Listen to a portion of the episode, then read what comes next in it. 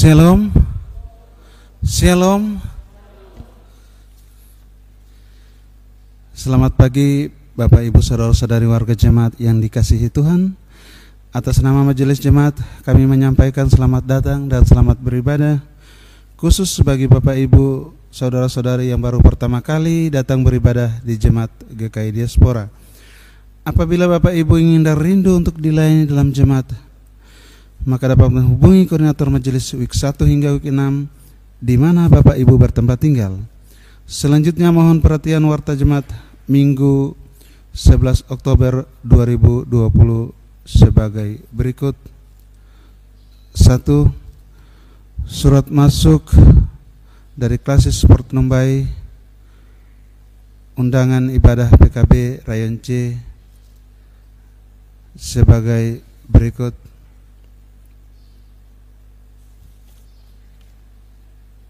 perihal pemberitahuan dan undangan ibadah online atau live streaming. Salam sejahtera dalam kasih Yesus Kristus. Sehubungan dengan pelayanan ibadah gabungan PKB secara klasikal untuk bulan Oktober 2020, Komisi Pelayanan dan Pembinaan Jemaat melalui seksi PKB menjadwalkan ibadah gabungan PKB Klasis GKI Port Numbai secara online live streaming tema kaum bapak dalam kekuasaan dan tanggung jawab yang akan dilaksanakan pada hari Minggu tanggal 18 Oktober 2020 waktu pukul 14.00 WIT atau jam 2 siang tempat gedung gereja jemaat GKI Efat, Efrata Kayu Batu bentuk ibadah diskusi Alkitab.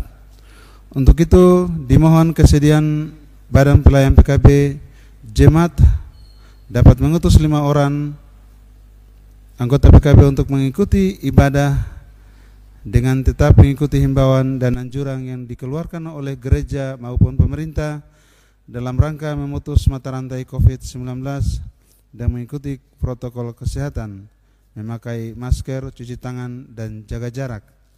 Demikian pemberitahuan undang ini atas perhatian dan kerjasamanya diucapkan terima kasih Tuhan Yesus memberkati. Dua, disampaikan kepada seluruh warga jemaat bahwa nama-nama calon tetap majelis jemaat GKI diaspora periode 2021-2026 sebagai berikut. Week 1 calon penatua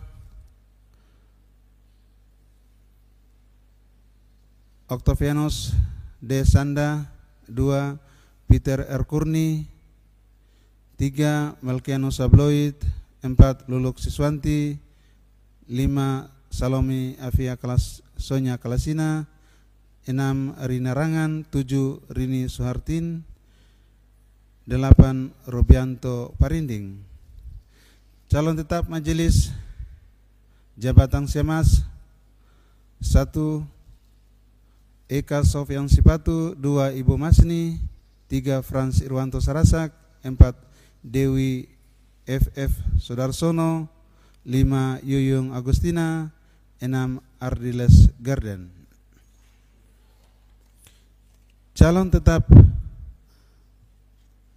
Majelis Week 2 Jabatan Penatua 1 Kamasan Jack Komboi 2 Jeremias Jacob Riwadan 3 Purnama Pererungan 4 Devor F. Ishak 5 Agustinus BG Garpenasi 6 Deborah Merauji 7 Raflus Dorang, Doranggi 8 John L. Mbefor, 9 Ruben Anto Waspakrik 10 Naftali Kalayukin calon tetap majelis jabatan Semas 1 Tabita D. Agaki 2 Ringhard Halatu 3 Petrosina K. Garjalai 4 Yosef Buari lima Samuel Boswai calon tetap Majelis Week 3 Jabatan Penatua. Satu Kristina D. Widyastuti dua Peter Kakihari. Tiga Patanduk Birin. Empat Jerry J. Sawai. Lima Martina Siti Rahayu. Enam Hilda CF Nahusona tujuh Samuel Sandi delapan Deti Manopo sembilan Stendi Suposepa sepuluh Solemi MM Faat jabatan Siamas satu Septinus Josephinus Josenius Patai dua Bastian Aragai Bugarai tiga Elianu Raini empat Fitrah Ramadhani lima Triana Dewi Lestari.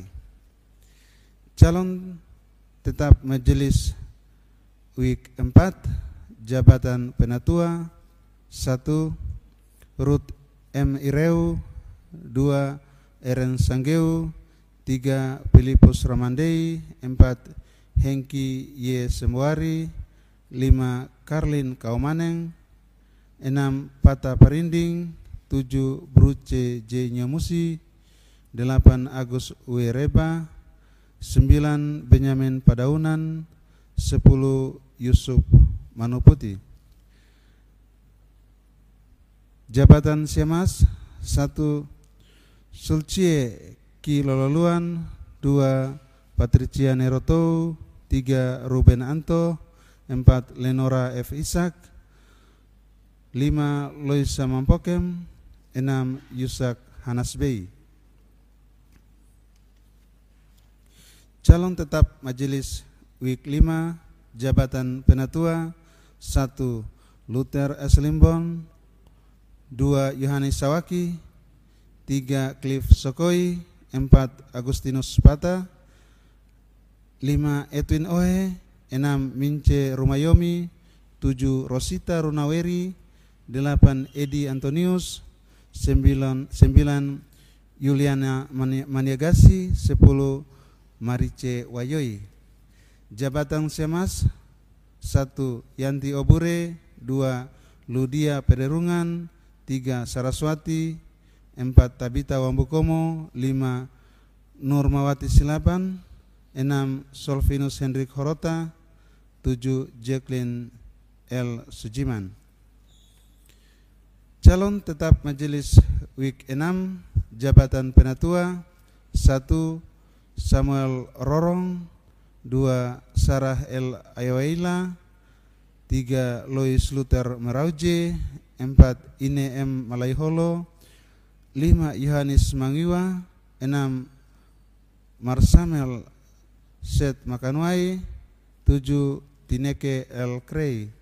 Jabatan Siamas, satu Yuliana Talulembang, dua Tirsa S. Ngabalin, tiga Musina Mansawan, empat Joni Aragai, lima Martina T. Sarira. Enam Noberti Palimbunga. Tujuh Ika Kurniawati Kambu. Delapan Horiete Sokoi. Sembilan Jakoba Saboan. Sepuluh Imade Areopagos dapat dilihat juga pada papan informasi jemaat Tiga, disampaikan kepada warga jemaat bahwa perjamuan kudus sedunia akan dilaksanakan pada tanggal 18 Oktober 2020 pada jam 17.00 atau jam 5 sore.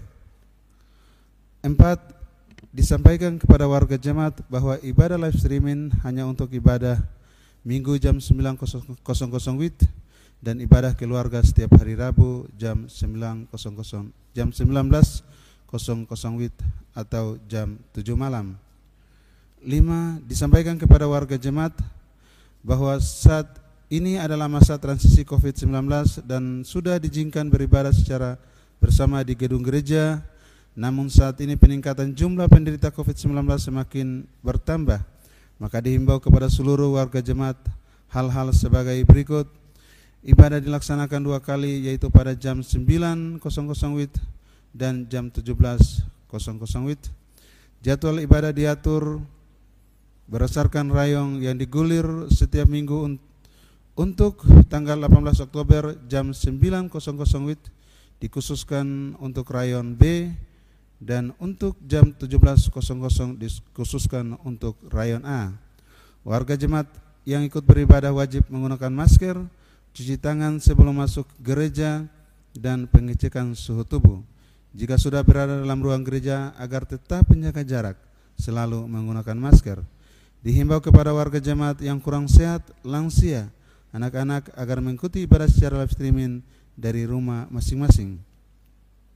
Enam, disampaikan kepada peserta katekisasi bahwa pelaksanaan katekisasi dilaksanakan dua kali setiap minggu yaitu pada hari Sabtu jam, jam 16.00 WIB dan pada hari Minggu setelah ibadah jam 11.00 atau setelah ibadah jam 9 pagi. Tujuh, disampaikan kepada warga jemaat dalam rangka HUT GKI ke-64 di tanah Papua. Maka akan diadakan lomba karaoke pasutri, lomba kuis, diskusi narkoba dan miras, diskusi GKI di tanah Papua, fotografi, diharapkan partisipasi dari seluruh warga jemaat. Persyaratan, persyaratan dan jadwal dapat dilihat pada tampilan multimedia dan juga multimedia jemaat dan juga papan informasi gereja.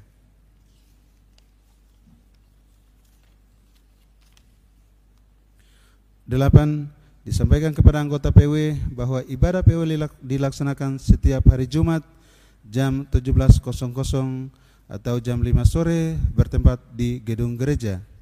Sembilan, mohon perhatian warga jemaat jika menyampaikan pokok doa mohon kiranya disampaikan lebih awal sebelum ibadah dimulai dan dan pokok doa ditulis di luar amplop karena amplop baru akan dibuka setelah selesai didoakan. Apabila ada amplop pokok doa yang terlambat dan belum didoakan akan didoakan pada ibadah jam 17.00 WIB. 10. Disampaikan kepada warga jemaat agar menjaga kebersihan dengan tidak meninggalkan sampah dalam ruang gereja. Demikian warta jemaat di pagi ini atas perhatian Bapak Ibu, saudara-saudari kami sampaikan terima kasih dan selamat beribadah Tuhan memberkati.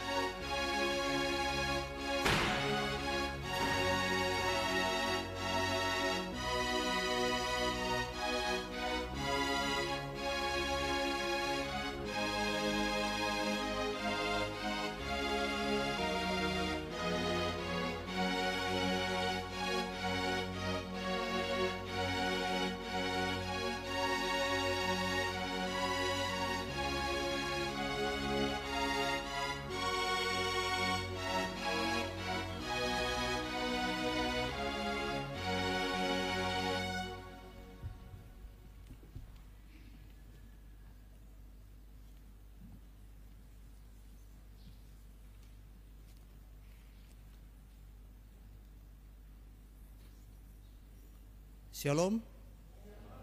Selamat pagi Bapak Ibu, warga jemaat maupun yang ada di rumah yang sedang mengikuti live streaming. Untuk mensyukuri rahmat Tuhan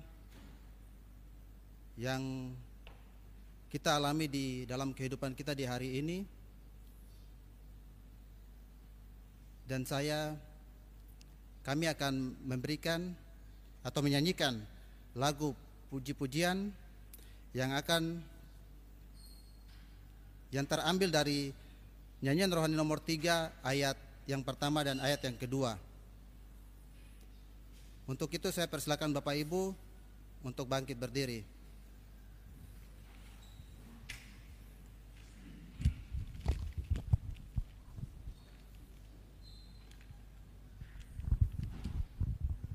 Nyanyian rohani nomor tiga, hormat bagi Allah Bapa. Hormat bagi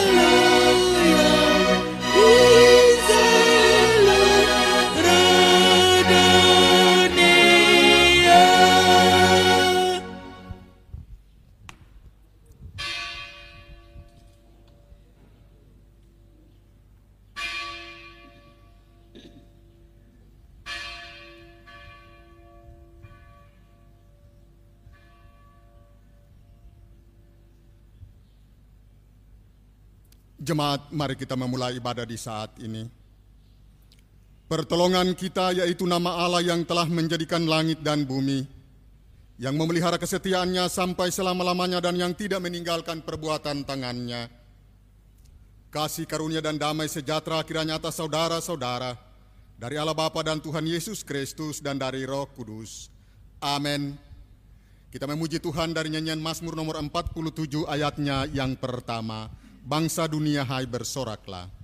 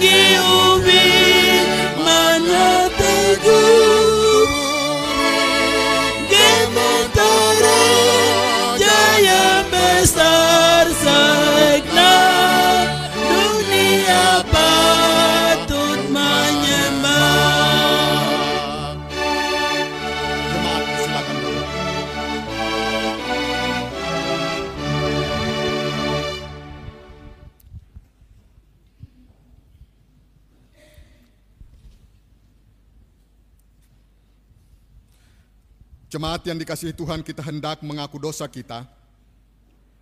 Kita mengaku dosa kita melalui Mazmur 139 ayat 23 dan 24. Hendaknya kita berkata demikian. Selidikilah aku ya Allah dan kenalilah hatiku. Ujilah aku dan kenalilah pikiran-pikiranku. Lihatlah apakah jalanku serong dan tuntunlah aku di jalan yang kekal. Mari kita berdoa. Ya Tuhan, kami datang kepadamu. Kami memohon biarlah di dalam kuasa dan anugerah pengampunanmu. Layakanlah kami untuk menerima pengampunan di dalam segala salah dan dosa kami. Supaya oleh pengampunanmu, kami mendapat kelayakan untuk mengalami kehidupan baru di dalam Bapa, Anak, dan Roh Kudus. Di dalam nama Yesus sumber pengampunan dosa, kami berdoa dan kami memohon pengampunan. Amin. Kita aminkan dengan nyanyian rohani. Nyanyian rohani nomor 11 ayatnya yang pertama. Nyanyian rohani nomor 11 ayat 1. Kami puji engkau.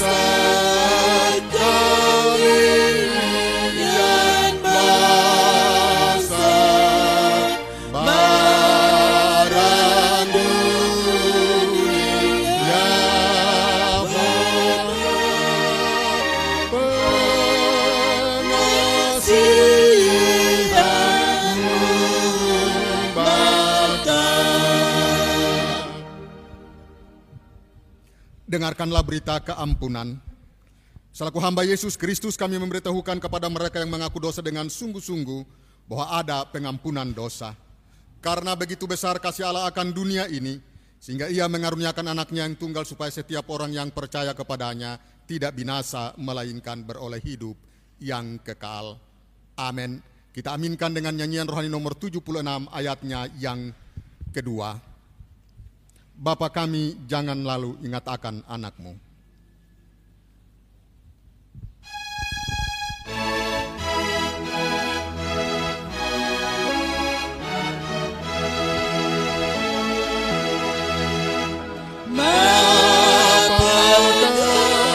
Kami jangan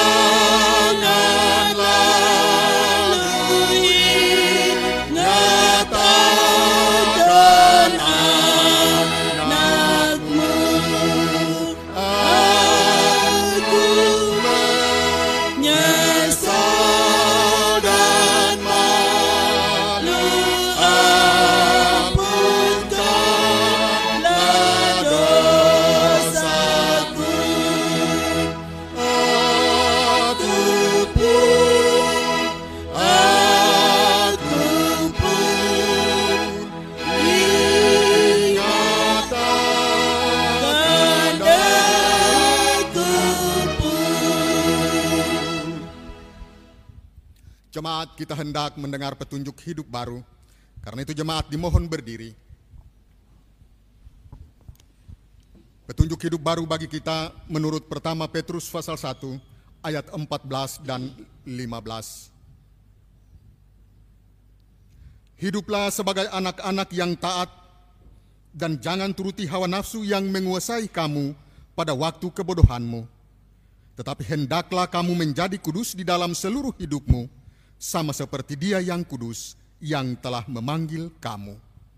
Demikianlah petunjuk hidup baru bagi kita. Jemaat disilakan duduk.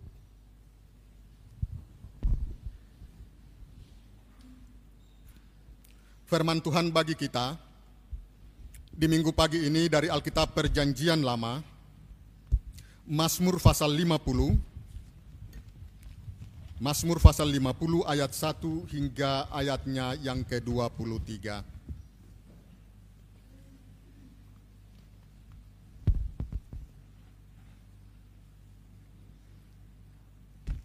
Alkitab Perjanjian Lama Mazmur 50 ayat 1 hingga ayatnya yang ke-23.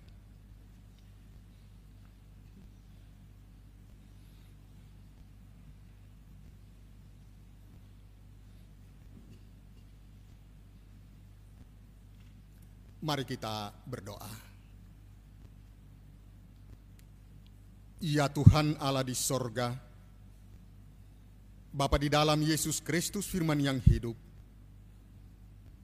kami memuji dan memuliakan Engkau di dalam roh dan kebenaran, dan firman-Mu akan menjadi terang bagi jalan kehidupan kami. Karenanya saat ini Tuhan kami hendak membaca dan merenungkan firman-Mu. Berilah kepada kami hikmat oleh pengertian kuasa roh kudusmu, supaya ketika firmanmu kami membaca dan merenungkannya, kami tidak hanya menjadi pemberita dan pendengar, tapi kami mau menjadi pelaku firmanmu dalam kehidupan sehari-hari kami. Di dalam nama Yesus kami berdoa. Amin. Mazmur 50 ayat 1 hingga ayatnya yang ke-23 kita akan membaca bagian ini secara bersama-sama. Saya membaca ayat 1 hingga ayatnya yang ke-6. Kaum perempuan membaca ayat 7 hingga ayatnya yang ke-15 dan kaum laki-laki membaca ayat 16 hingga ayatnya yang ke-23. Kita semua akan membaca bagian ini bersama-sama. Ayat 1 hingga ayat 6 saya membacakannya, ayat 7 hingga 15 dibacakan oleh kaum perempuan dan ayat 16 hingga ayat 23 oleh laki-laki. Kita mulai ibadah yang sejati Mazmur Asaf. Yang maha kuasa Tuhan Allah berfirman dan memanggil bumi dari terbitnya matahari sampai kepada terbenamnya. Dari Sion puncak keindahan Allah tampil bersinar. Allah kita datang dan tidak akan berdiam diri. Di hadapannya api menjilat, sekelilingnya bertiup badai yang dahsyat. Ia berseru kepada langit di atas dan kepada bumi untuk mengadili umatnya. Bawalah kemari orang-orang yang kukasihi, yang mengikat perjanjian dengan aku berdasarkan korban sembelihan. Langit memberitakan keadilannya, sebab Allah sendirilah hakim.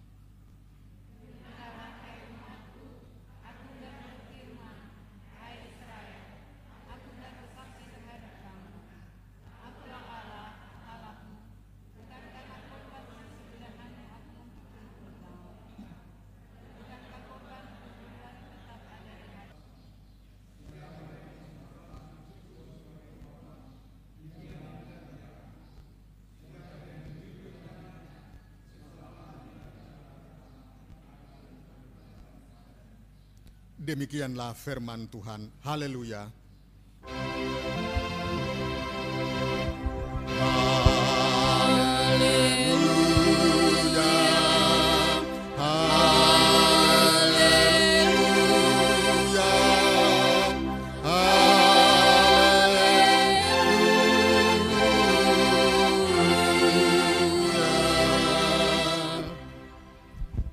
Kita hendak menyatakan ungkapan syukur kita kita mempersiapkan nyanyian rohani nomor 132, rohani 132 ayat 1 dan seterusnya kita menyanyi sementara persembahan syukur kita berikan. Sambil mempersiapkan diri dengan persembahan syukur yang ada padamu, dengarkanlah nasihat firman Tuhan. Barang apa yang kamu buat dengan perkataan atau pekerjaan, buatlah semuanya dengan nama Tuhan Yesus, sambil mengucap syukur olehnya kepada Allah, yaitu Bapa. Ya Tuhan murah mubakan.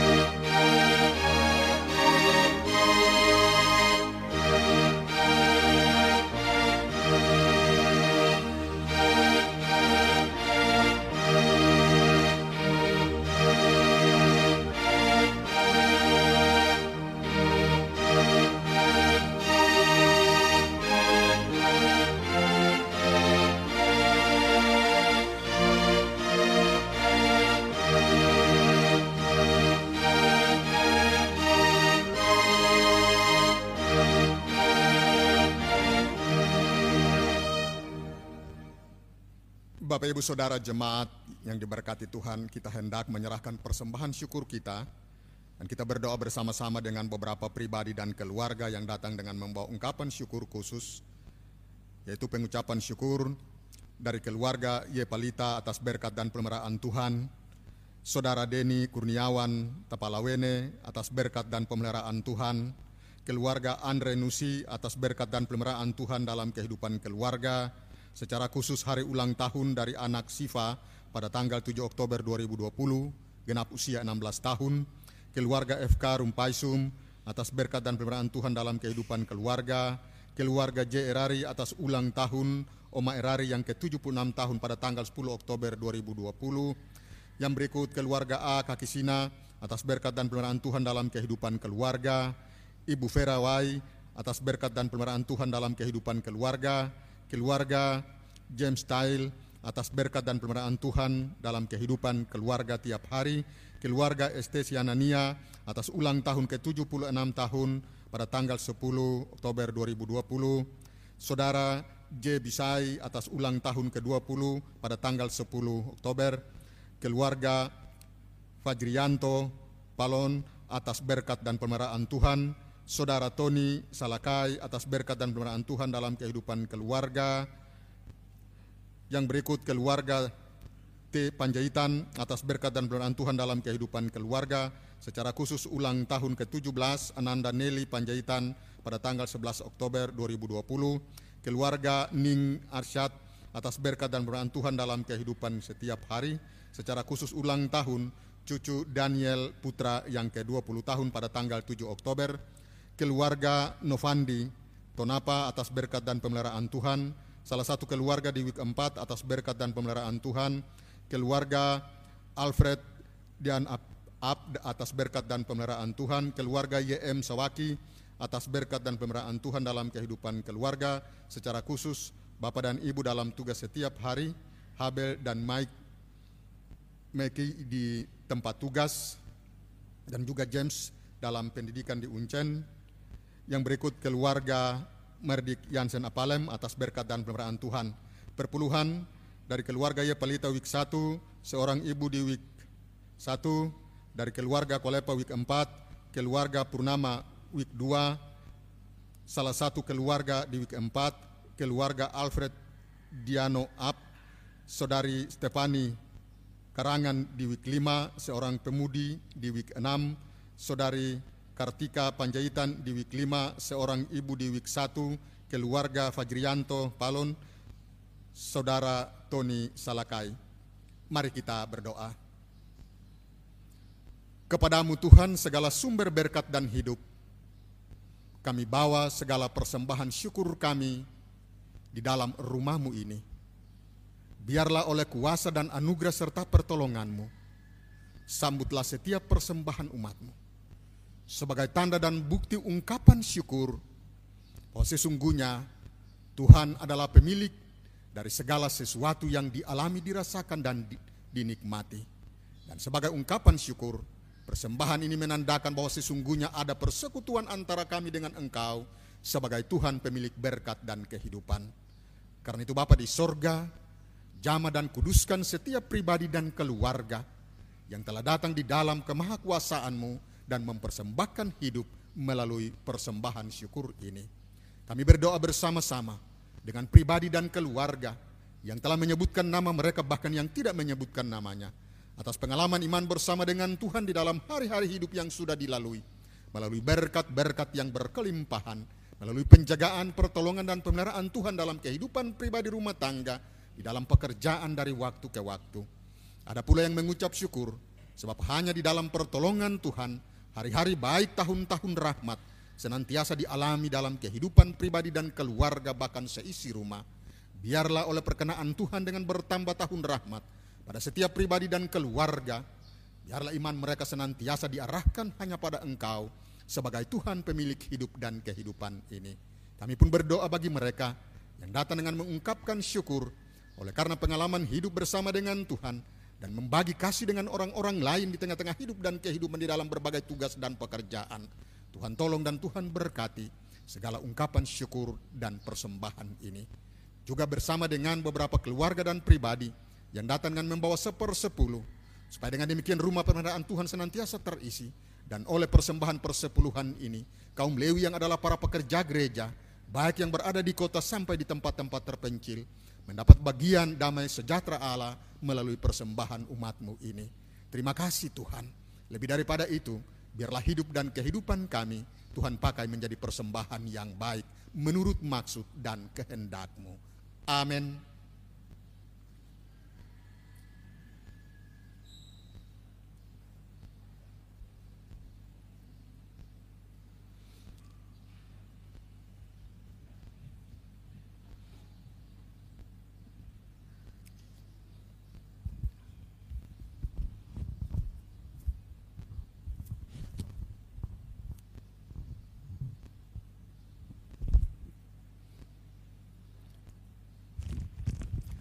Bapak Ibu Saudara jemaat yang dikasihi dan diberkati Tuhan, baik kita yang sedang memberikan waktu kita di dalam batasan protokol kesehatan COVID-19 40 dan 5 atau 50 persen yang ada di rumah Tuhan, tapi juga warga jemaat yang sedang mengikuti ibadah melalui live streaming di rumah masing-masing. Bagian pembacaan yang kita baca ketika kita menyelidik secara seksama antara prikop atau tema yang diberikan tentang ibadah yang sejati dengan isi dari apa yang diungkapkan oleh Asaf di dalam Mazmurnya ini seolah-olah ada sebuah kontradiksi antara teks yang ada dengan tema yang disajikan. Kontradiksi dimaksud adalah bahwa tentang ibadah yang sejati dengan apa yang menjadi maksud pernyataan Allah di dalam naskah atau bagian yang kita baca ini yang sesungguhnya mengungkapkan tentang bagaimana Allah ada dan memberikan pengadilan terhadap bangsa atau umat pilihannya oleh karena perilaku peribadatan yang sejati itu. Kadangkala kita membayangkan bahwa ibadah yang sejati adalah cukup saja dengan kita datang berjumpa di dalam persekutuan seperti ini. Liturgi kita ikuti, liturgi kita jalani. Di mana ada puji-pujian, di mana ada doa, di mana ada persembahan, di mana ada pemberitaan firman, dan sesudahnya ada berkat, lalu kita pulang. Kita merasa cukup dan itu kita mengatakan bahwa kita telah memberikan atau hi, memberikan hidup dan kehidupan kita di dalam sebuah perjumpaan kita dengan Tuhan. Lalu, hakikat dan makna dari apa yang kita alami di dalam perjumpaan itu sesudahnya, sesudah kita pulang, kita keluar dari pintu gereja, liturgi itu terhenti dan kita masing-masing berjalan menurut apa yang kita anggap baik dan benar. Mungkin itu yang menjadi pemahaman umum terhadap sebuah ibadah yang sejati. Dengan rutin, dengan setia, dengan tekun datang, duduk dari mulai fotum sampai berkat. Bahkan mungkin ada yang, kalaupun saya terlambat, yang penting pada akhirnya saya dapat berkat untuk pulang.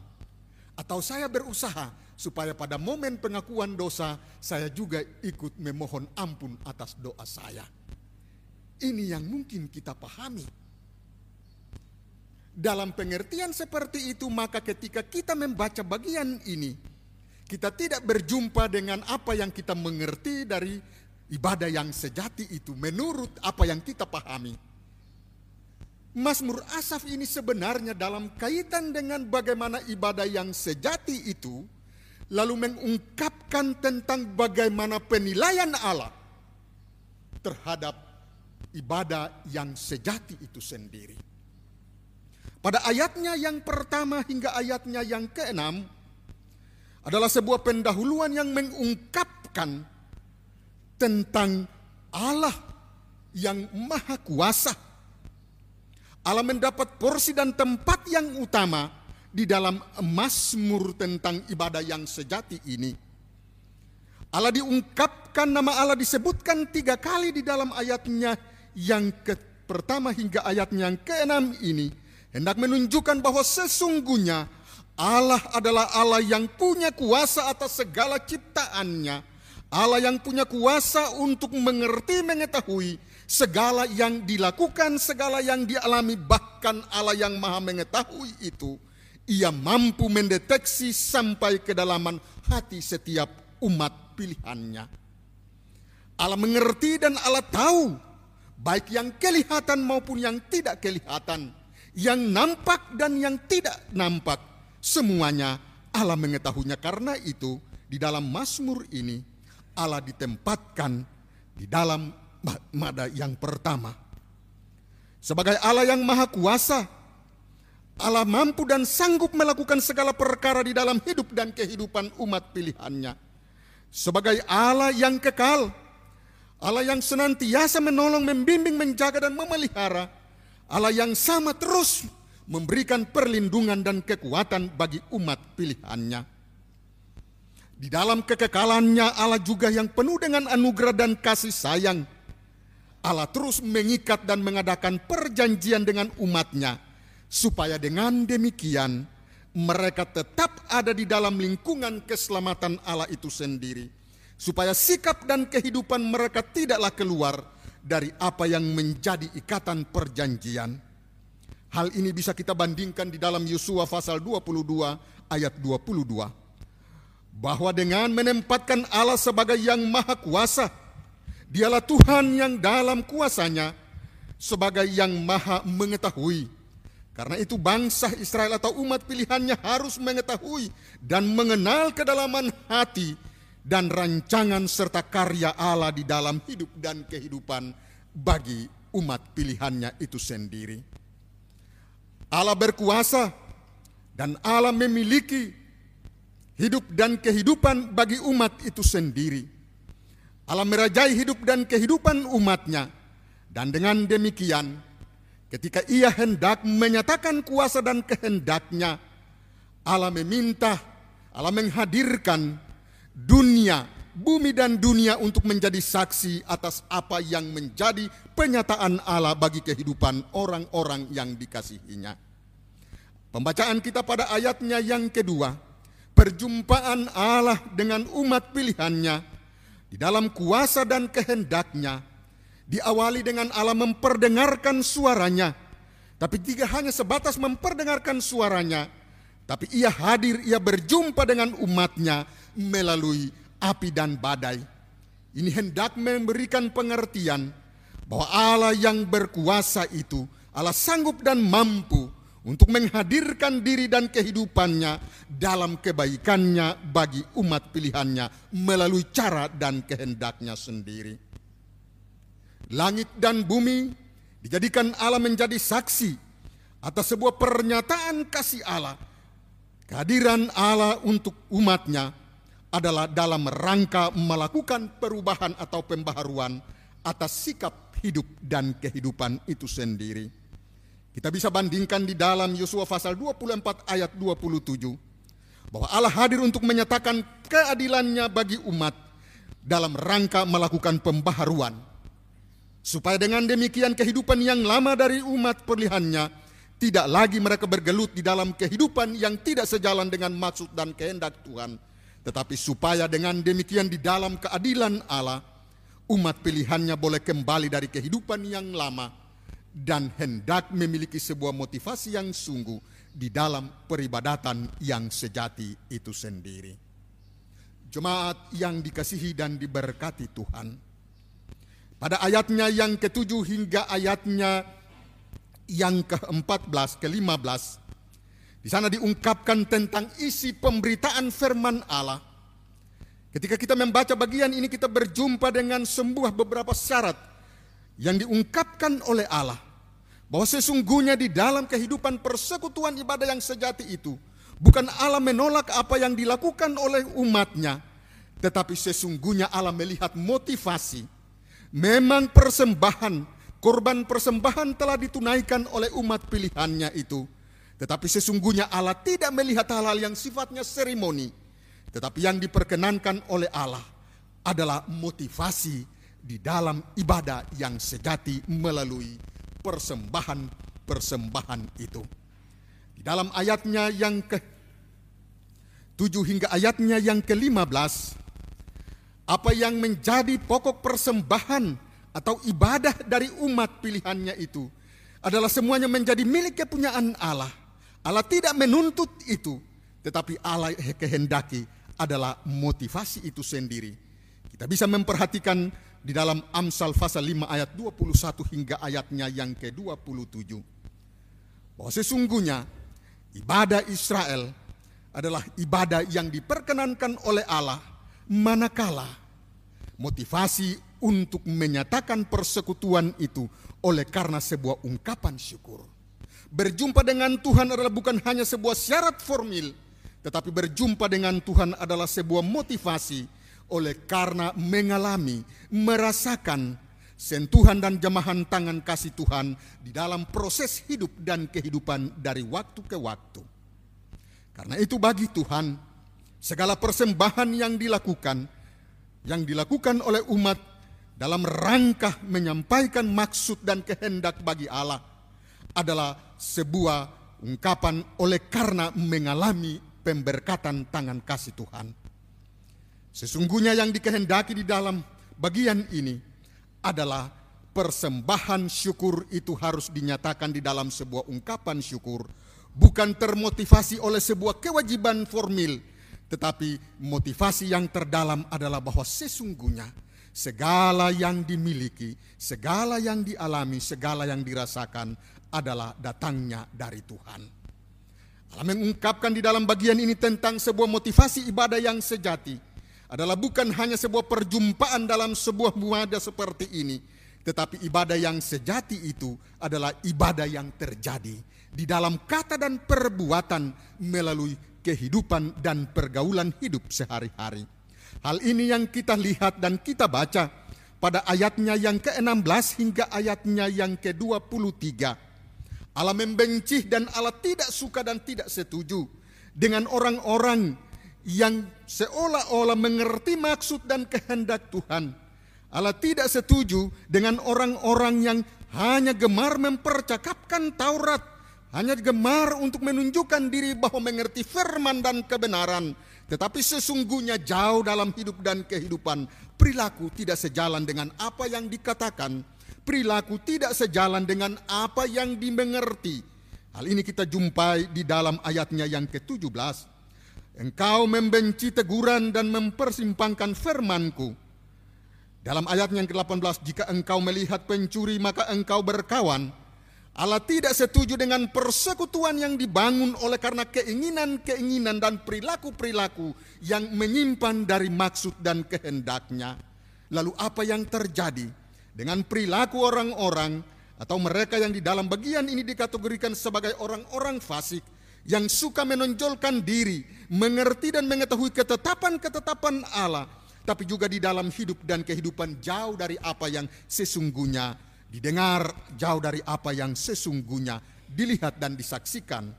Allah menghendaki motivasi di dalam ibadah yang sejati adalah motivasi untuk melakukan maksud dan kehendak Tuhan.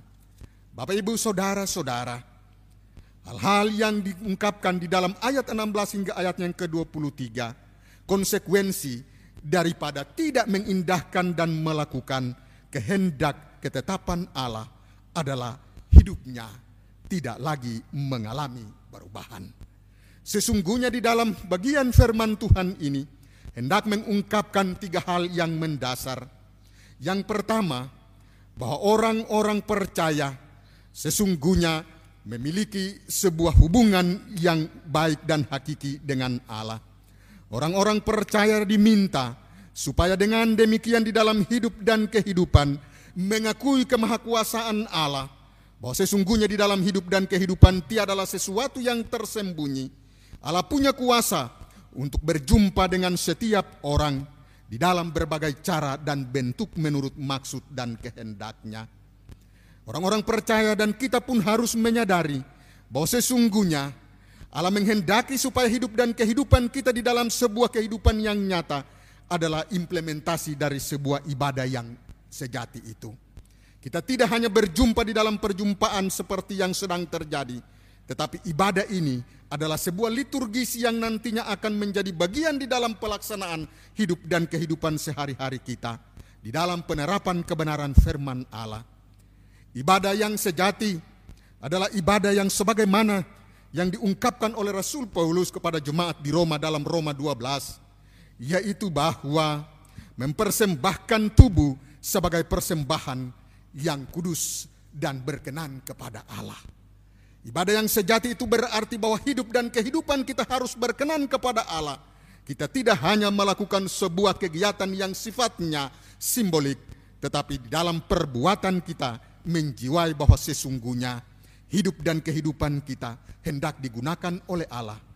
Bapak Ibu Saudara-saudara, berkenaan dengan ibadah yang sejati.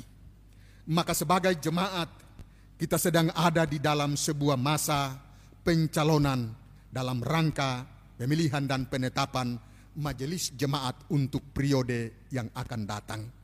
Bagian firman Tuhan ini juga hendak mengingatkan kita semua baik sebagai anggota sidi jemaat yang memberikan hak pilihannya menentukan calon-calon majelis jemaat tetapi juga kepada kita yang diperkenankan Allah yang dipilih oleh anggota di sidi jemaat. Bagian ini hendak mengajarkan kepada kita supaya kita betul-betul pada waktunya nanti mempersembahkan hidup dan kehidupan kita secara kudus dan berkenan kepada Allah. Nah, dengan demikian maka kepada setiap orang yang diperkenankan oleh Allah melalui pencalonan dan pemilihan dari anggota sidi jemaat di tengah-tengah proses yang sedang terjadi. Marilah hendaknya kita memiliki sebuah motivasi bahwa sesungguhnya kita sedang dan hendak menyatakan kekudusan Allah itu di dalam seluruh hidup dan kehidupan untuk sebuah pekerjaan besar di tengah-tengah persekutuan jemaat ini. Hal yang ketiga, adalah kita juga diingatkan oleh bagian firman Tuhan ini. Supaya dengan demikian ada sebuah perubahan dan pembaharuan hidup dalam hidup dan kehidupan kita. Bahwa sesungguhnya kita tidak hanya sekedar menjadi orang-orang percaya. Kita tidak hanya sekedar menjadi anak-anak Tuhan yang gemar mendengar firman Tuhan. Juga pada waktu-waktu tertentu kita memiliki kegemaran untuk memperkatakan firman Tuhan dan kebenarannya. Tetapi dalam praktek hidup dan kehidupan kita, sesungguhnya kita jauh Kadangkala kata orang latihan lain, main lain.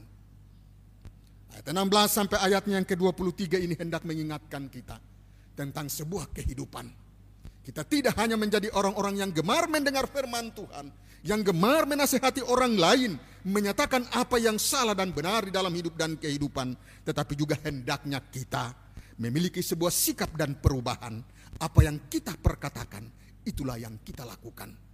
Dan itulah ibadah yang nyata dari sebuah persekutuan di dalam sebuah kehidupan nyata kita. Kita juga ingat di dalam bagian firman Tuhan ini bahwa bagi mereka yang tidak meninggalkan kehidupan dan kebiasaan lama di dalam sebuah perubahan hidup dan kehidupan, maka di dalam bagian firman Tuhan yang kita baca mengungkapkan bahwa akan ada sebuah sanksi sanksi yang diungkapkan di dalam bagian ini kita bisa membaca di dalam ayat 22 dan 23 dari pembacaan kita bahwa sesungguhnya orang-orang seperti itu akan jauh dari kasih karunia Allah. Tetapi ketika ada pembaharuan dan perubahan dalam hidup dan kehidupan, maka Allah itu adalah Allah yang penuh kasih. Dia berkenan menyatakan pengampunan tetapi juga menyatakan anugerah keselamatan supaya dengan demikian semua orang hidup di dalam damai sejahtera dan sukacita oleh karena perkenaan Allah. Amin.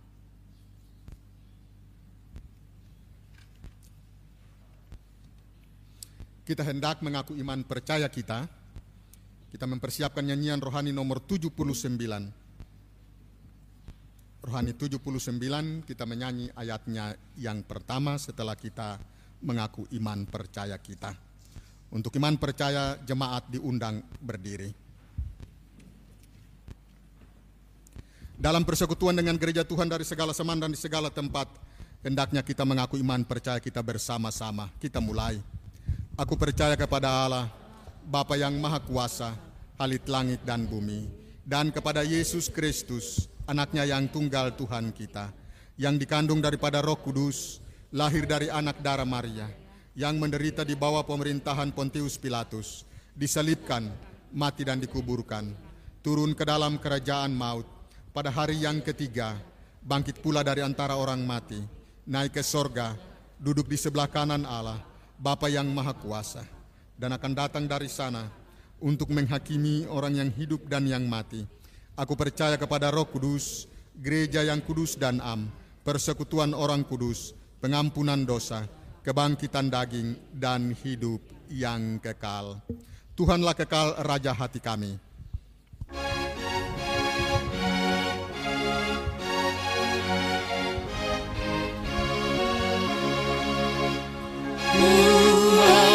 Tuhanlah kekal Raja hati kami Kami tak sesat Ikut firman-Mu Beriman teguh Pada jalan Jemaat disilakan duduk.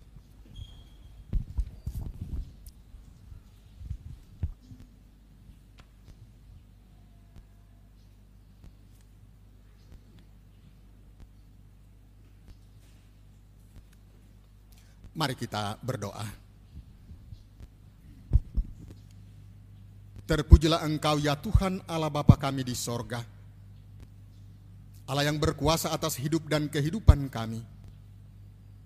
Allah yang berkuasa dan merajai gerejamu di dalam anakmu Yesus Kristus yang adalah Tuhan dan Juru Selamat kami.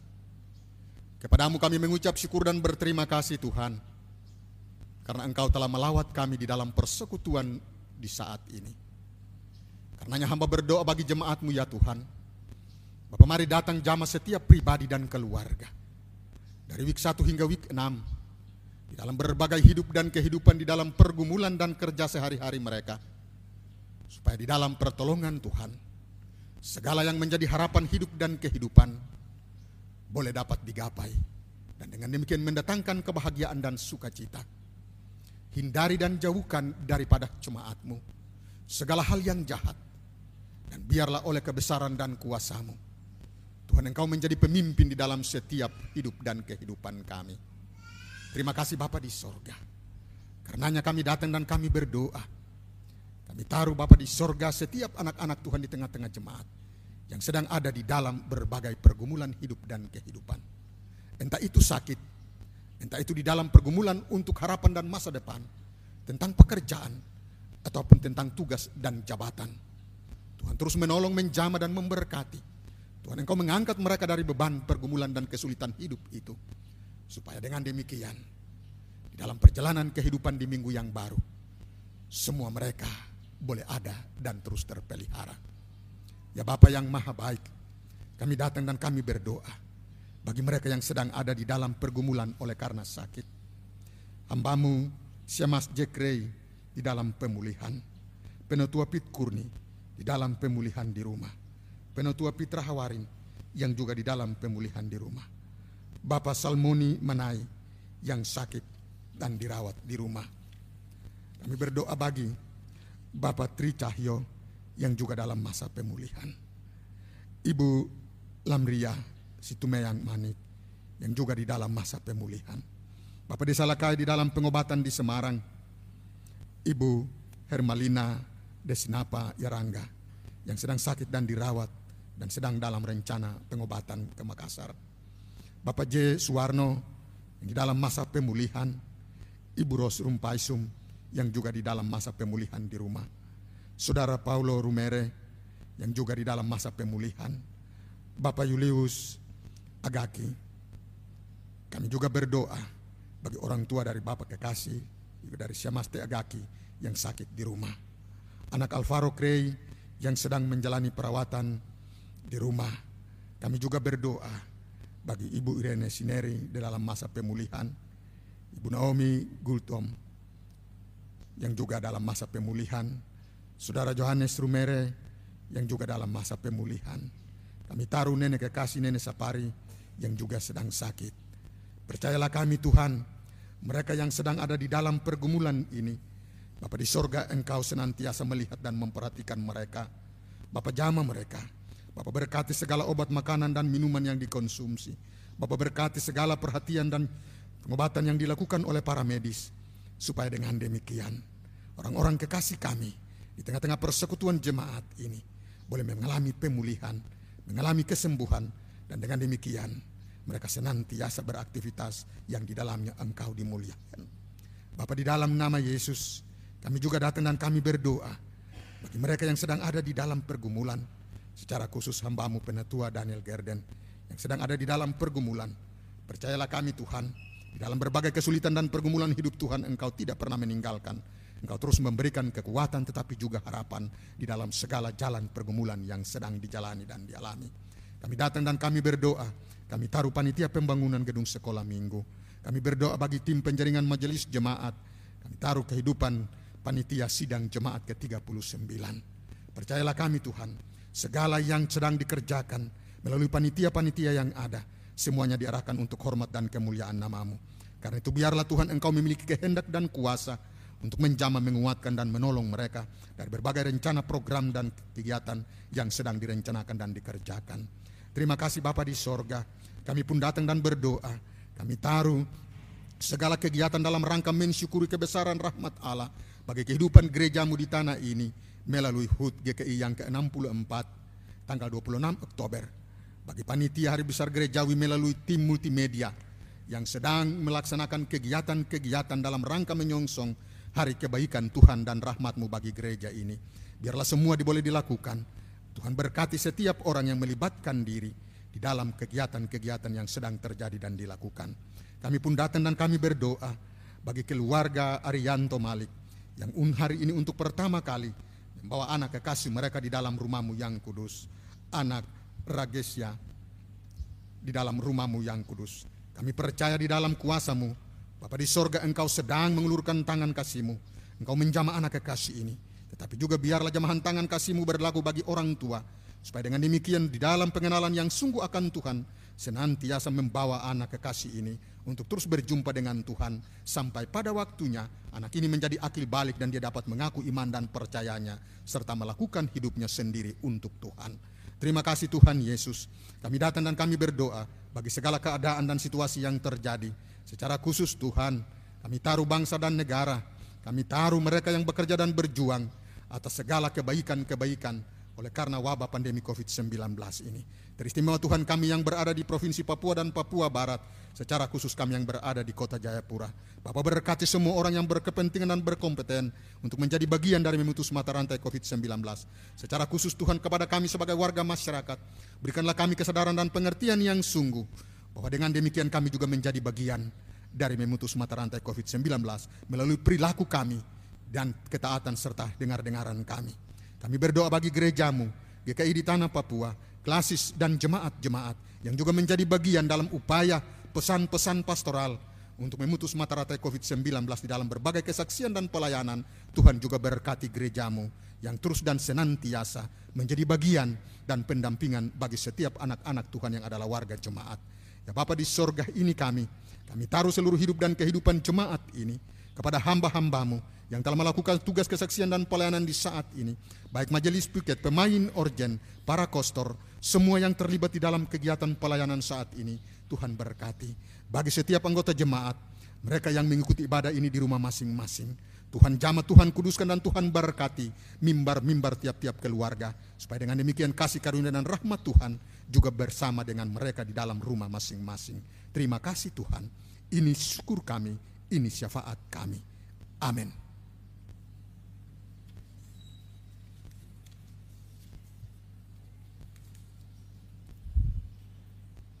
Jemaat kita hendak mengakhiri ibadah kita. Kita mempersiapkan nyanyian rohani nomor 162. Rohani 162 kita menyanyi ayat 1 dalam keadaan duduk dan ayatnya yang ketiga kita menyanyi sambil berdiri untuk menerima berkat. Rohani 162 ayat 1 kita menyanyi dalam keadaan duduk dan ayatnya yang ketiga kita menyanyi untuk menerima berkat. Ya Tuhanku kiranya engkaulah pembimbingku.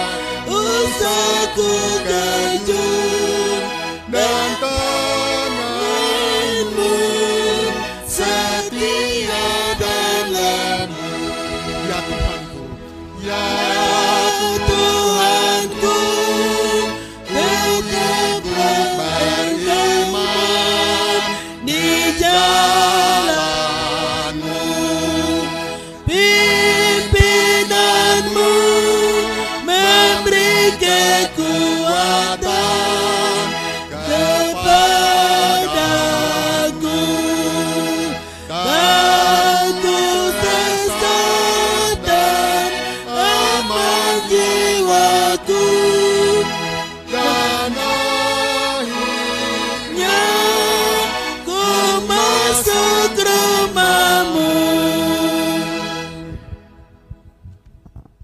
kembalilah di dalam hidup dan kerjamu dan terimalah berkat Tuhan. Kasih karunia dan damai sejahtera alam dalam Kristus Yesus biarlah senantiasa menjaga, memelihara, melindungi dan menyertai jemaat sekalian dari sekarang sampai selama-lamanya.